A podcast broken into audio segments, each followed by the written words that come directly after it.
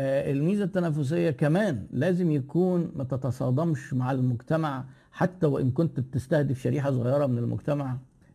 يعني يعني أنا قريب لقيت إيه حد من اللي بي بيبعتوا رسائل شركة سياحة أو أوتيل أو حاجة زي كده بعت لي SMS أوتيل بيقول لي آه عندنا في المطعم في اليوم الفلاني عاملين offer أو كذا يوم free wine مع العشاء free wine يعني تعالى خد خمرة مجانا. دي هو كده معتبر إن هو عامل آه، ميزة تنافسية. بس بتعريف التسويق ما ينفعش. ليه؟ لأنها متصادمه مع أغلب آه، أعراف وثقافة ودين المجتمع.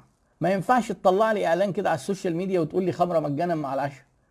تقول لي آه ما هو في عملاء بتشرب خمرة. أيوه بس عندك مشكلة رهيبة في ال communicability إن أنت ت communicate الرسالة دي كده لأن أنت مش هتقدر تنشن ليزر كده للراجل إيه تنشن عليه اللي هو بيشرب خمرة تبعت له SMS هتعرفه منين? فما ينفعش حضرتك تعمل ميزة تنافسية خادشة للحياة تتعارض مع مع الذوق العام طبعا أنا بقول لكم على المثال يعني المثال دلوقتي خلاص بقى في شركات بيتباروا في صدم العملاء وخدش حيائهم وهم قاعدين في بيوتهم بشوية إعلانات سخيفة. ولكن ده مش صح مش صح اطلاقا يعني. فيبقى إحنا لو عايزين نحط المواصفات بتاعت الميزة التنافسية هم السبعة اللي أنا قلتهم لكم دول قلنا مهمة من وجهة نظر العميل. هنقول كل واحدة من وجهة نظر مين. واضحة من وجهة نظر العميل برضه. ما تجيش تقول لي إيه أنا عارف أنا قصدي إيه بالجودة. أنت مش مهم خالص العميل هو المهم. وبعدين تكون عندنا أفضل عندنا عن المنافسين. شايف بقى إيه؟ القصة هنا بقى جت ال relativity جت النسبية. إن الميزة اسمها ميزة تنافسية. آه جيت تقول إنها عندك وهي عند المنافسين أكتر يبقى أصبحت مش ميزة تنافسية. إن relativity relatively تبقى relatively تبقى أعلى من اللي عندك. أفضل عندنا بالنسبة للمنافسين لأنها ميزة تنافسية. وبعدين تكون صعبة النسخ بقدر الإمكان مربحة وتكون في حدود القدرة الشرائية للعملاء وتكون communicable يعني ممكن نتواصل بيها مع بدون ما إيه ما نعمل مشاكل اجتماعية. طيب أنواع الميزات التنافسية. إحنا قلنا إن في آه، نوعين كبار حاجة العميل بيشوفها اللي هي ال on stage دي وحاجة العميل ما بيشوفهاش. بس أنا عشان أبقى ماكدونالدز أقول أسرع دليفري في مصر هل ينفع؟ دي العميل اللي بيشوفها إنه بي إيه بيلاقي بالساعة ال order جاله بسرعة أو هو واقف بيمشي بسرعة. الكلام ده محتاج إيه بقى؟ في ال back stage في الكواليس محتاج operations قوية جدا. آه فهي الميزة التنافسية دايما بيبقى لها نصين. حتة شايفها العميل بس حتة داخلية عندي. لازم بنعملها أنا اتكلمنا عن ال operations المرة اللي فاتت لازم تبقى في ال operations ممكن يكون ليه علاقة بالموردين بتوعي. يبقى يبقى قصة الموردين والخامات اللي أنا بجيبها منهم والوقت اللي الحاجة بتيجي بيها وسعرها وكده. back stage ده بقى فيها حاجات كتير. فيها كل التشغيل بتاع الشركة.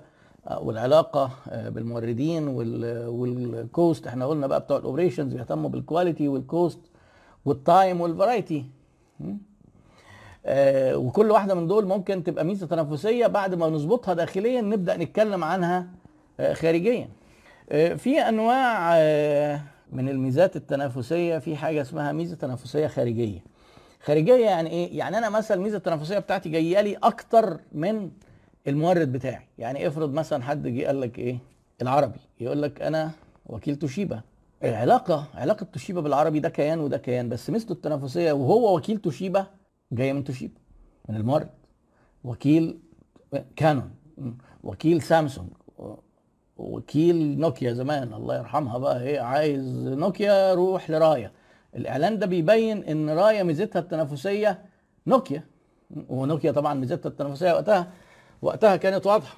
قاعدين شغالين في الموبايلات وبيصغروها وب- وايه والدنيا ماشيين في اتجاه و في حين إن كان الاحتياجات العملاء أثبتت إن كانت كانوا محتاجين اتجاه تاني.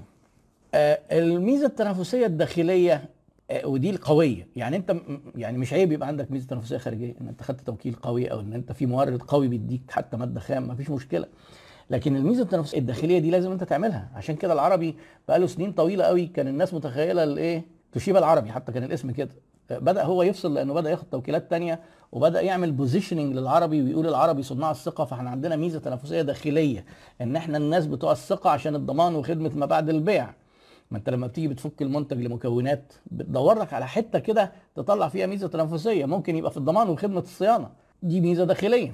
الميزة الداخلية بقى ممكن تبقى في المنتج ومواصفاته في الخدمة لو انت بتدي خدمة برضو وتبص برضو للعملاء في سهولة الحصول عليها في, في تميز في بعد معين من أبعاد جودة الخدمة. فدي داخلية في الخدمة. أو تقول أنا الميزة التنافسية عندي في الأشخاص المحترفين اللي شغالين. آه، مثلا أنت شركة software تقول أنا ال programmers اللي عندي هم أعلى مستوى وبيقدروا يعملوا الشغل بسرعة معينة وجودة معينة كده يعني أشخاص. آه، والأشخاص دي أحيانا بيبقوا هم أساس الميزة التنافسية. يعني إيه الميزة التنافسية؟ مثلا لمركز مجدي يعقوب. مجدي يعقوب شخص. إيه الميزة التنافسية بتاعت عمرو حلمي؟ بتاع المطابخ هو عمرو حلمي. طارق نور معظم الدكاترة والمدرسين بقى ملك الكيمياء وولي عهد الفيزياء والحاجات دي ما هي دي ميزات تنافسية قايمة على الشخص. وهنا في الحتة دي ناس كتير برضو كانوا بيجوا يسألوني طب أنا دلوقتي مثلا في service أعمل أعمل ميزة تنافسية مبنية على ال personal brand بتاعي ولا الشركة؟ أنا مش عارف أنتوا رأيكم إيه. طبعا الكلام ده فيه وجهات نظر. أحيانا ممكن تبقى كده وكده بس أنا ميال للميزة التنافسية المبنية على ال personal branding لسبب واحد. إحنا قلنا إيه من ضمن السبع مواصفات؟ انها تكون صعبة النسخ. لما تكون الميزة التنافسية personal brand يعني شخص اللي هو اسمه كذا اللي هو المدرس اللي هو المصمم العبقري المعماري فلان الفلاني. أه تلاقي حتى الايه مثلا يقول لك حسن فتحي هو ده مات وما زال اسم زها حديد المعمارية العراقية العالمية. أه أه تبص تلاقي إيه بقى الميزة؟ ما حدش هيستجري يقول لك وأنا كمان. ما حدش ينفع يقول لك إيه مركز قلب آه، مجدي يعقوب. إحنا كمان مجدي يعقوب. طب أنت كمان إزاي يعني؟ مش ممكن خالص. يبقى أنت كده صعبتها على المنافسين. فال personal branding ممكن أحيانا يبقى اختيار أذكى لأن ما ينفعش حد يقول وأنا كمان. لأنه شخص. طيب مش عارفين نطلع. آه خلاص بقى جينا بقى للمشكلة اللي إحنا إيه الجدول الفاضي الناحية اللي فيها ميزة تنافسية دي مش لاقيين حاجة نحطها. لازم تحط لازم لازم توجدها ولازم تدور عليها. وإلا ما تنافسش بقى خلاص اقعد في البيت. تقعد في البيت. ما كان جاك ويلش قال لك كده لو انت ما عندكش ميزة تنافسية لا تنافس. هتنافس إزاي يعني؟ الميزة التنافسية كمان ما تجيش تقول لي أنا خايف لأن الناس تعرفها. يقلدوها. الميزة التنافسية حضرتك لازم هتبقى مكشوفه وأقوى ميزات تنافسيه هي أكتر ميزات واضحة. واضحة لمين؟ للعملاء وبالتالي للمنافسين. زي كده الكورة. يقول لك إيه؟ بطل العالم للتنس. فلان الفلاني عنده ال serve بتاعه ما أعرفش قوي إزاي كام كيلو في الايه وبيلعب يمين إيه وشمال إيه واللي تلاقيه بيلعب بيلعبوه عارفين. آه، ما بيعرفش يغلبوه برضه. واضحة هو بيلعب إزاي. آه ليه ليفربول بيكسبوا آه, آه عندهم محمد صلاح وعندهم ال- الشاب الظريف ده اللي بيبصيله أو هو بيبقى يعني بيبصوا لبعض. فخلاص ميزة تنافسيه واضحة جدا أهو. طيب قاعدين يكسبوا أهو وطالعين إيه في الدوري وبعدين ياخدوا أوروبا. ما تجيش تقول لي أنا خايف لا اطلع بالميزة التنافسية لا يشوفوها يقلدوها. ده هي حضرتك لازم تطلع بيها. ولازم تبقى قوية لدرجة إنك تطلع بيها وتواجه الناس ويبقى صعب يقلدوها. هي دي النقطة. طب هتخبيها؟ العملاء هيعرفوها إزاي؟ ما هو أحد عيوب الإعلان بس دي طبعا لا تمنع إن إحنا لازم نعمل إعلان وترويج إن المنافس بيعرفك آه، من جوه ومن بره لأنك أنت بتعلن عن نفسك. أيوه ما دي عيب. يعني بس معنى كده نعمل إيه يعني؟ هنعمل برضه ترويج وهنعمل إعلان. طب ما هيعرفوني؟ آه ده هو أول واحد هيعرفك. هتقول السعر inbox هيدخل وراك. هتقول له طب ب- إيه في التليفون هيتصل بيك.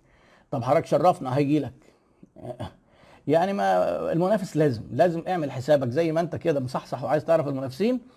المنافسين هيعرفوك. أيوه فيرمينيو صح اشرف زويل. اصل أنا واخد برضو الكرة لسه بالشبه. لو انت ما لقيتش هنعملها إزاي؟ دور بقى واقعد حلل. اقعد شوف إيه اللي تقدر تعمله. داخليا إمكانياتك إيه؟ اللي هي ال backs اللي هي ال back stage تقدر تعمل إيه؟ وايه ال capabilities بتاعتك؟ حاجة اسمها ال capabilities هو ال back stage دي عبارة عن إيه؟ قدرات capabilities بتاعتك. وإيه نقط الضعف اللي عند المنافسين إن أنت ممكن تدخل عليها؟ وهل ممكن إنك تتكلم emotional عاطفي؟ خلاص عاطفي بقى عندك الملعب بقى براحتك. آه، إنك أنت تربط نفسك بقى بالبرستيج بالسعادة بالفرح آه، زي معظم الحاجات اللي هي آه، الثقة على فكرة آه، أي حاجة ما بتتقاسش بجهاز نقدر نقول عليها عاطفية. طبعا وفي درجات. المهم آه، إيه آه طيب فأنت تقعد بقى تشوف ال ال هل في بعد عاطفي تقدر تتكلم عليه؟ تتكلم على الثقة آه ممكن تتكلم على الثقة. آه، هل إحنا كلنا نقدر؟ آه لو أنت بتكلم مستهلك نهائي العاطفة مهمة قوي وحتى لو بتبيع لبزنس يعني إيه مثلا لو أنت دخلت الشركة وقال لك أنا إيه إحنا استريحنا للتعامل معاكم دي عاطفة ولا مش عاطفة؟ عاطفة. لو هو استريح للتعامل معاك هيبقى ميال حتى لو نزلت مناقصه إنه يرسي عليك. الميل ده انحياز عاطفي. فاحنا كبشر إحنا كبشر لازم جزء من قراراتنا عاطفي. بيبقى كبير قوي لما نشتغل إحنا B2C الناس اللي بيشتروا من جيبهم لنفسهم وبتبقى موجودة بس أقل شوية لما بين إيه بنبيع ل business بس موجودة برضه. لأن في, في, في النهاية الموضوع إيه سواء B2B أو B2C إحنا بني آدمين بنبيع لبعض. كوتلر قال H2H قصه ال marketing دلوقتي القديمة بتاعت B2C و B2B محتاجين آه نفهمها برضه. بس محتاجين نفهم إن حتى ال B أنت ما بتروحش تبيع للشركة. يعني أنت بتورد سي لفودافون للمقاولين العرب. أنت بتبيع لمين في المقاولين العرب؟ آه للمبنى للكمبيوترات للعربيات. لا بتبيع للبني آدمين. فهو H برضه human ما دام ال human بياخد قرار بشكل لا واعي في حتة عاطفه اللاوعي ده مبني على عاطفه عشان كده بتاع التسويق لازم يفهم السيكولوجي كويس. ويعرف الفرق بين ال conscious وال subconscious والقرارات إحنا بناخدها إزاي في الحياة. دي حتة داخلة في ال social psychology شوية ومن الكتب اللذيذة قوي اللي اتكلم فيها دانيال كانمان وروبرت شالديني اتكلموا في الموضوع ده. كلام يعني برضو من الحاجات اللي غيرت وقبليهم جاك تراوت في الثمانينات جاك تراوت اللي هو يعني أول واحد صك تعريف أو كلمة positioning وهم بنوا بقى على شغله بعد كده.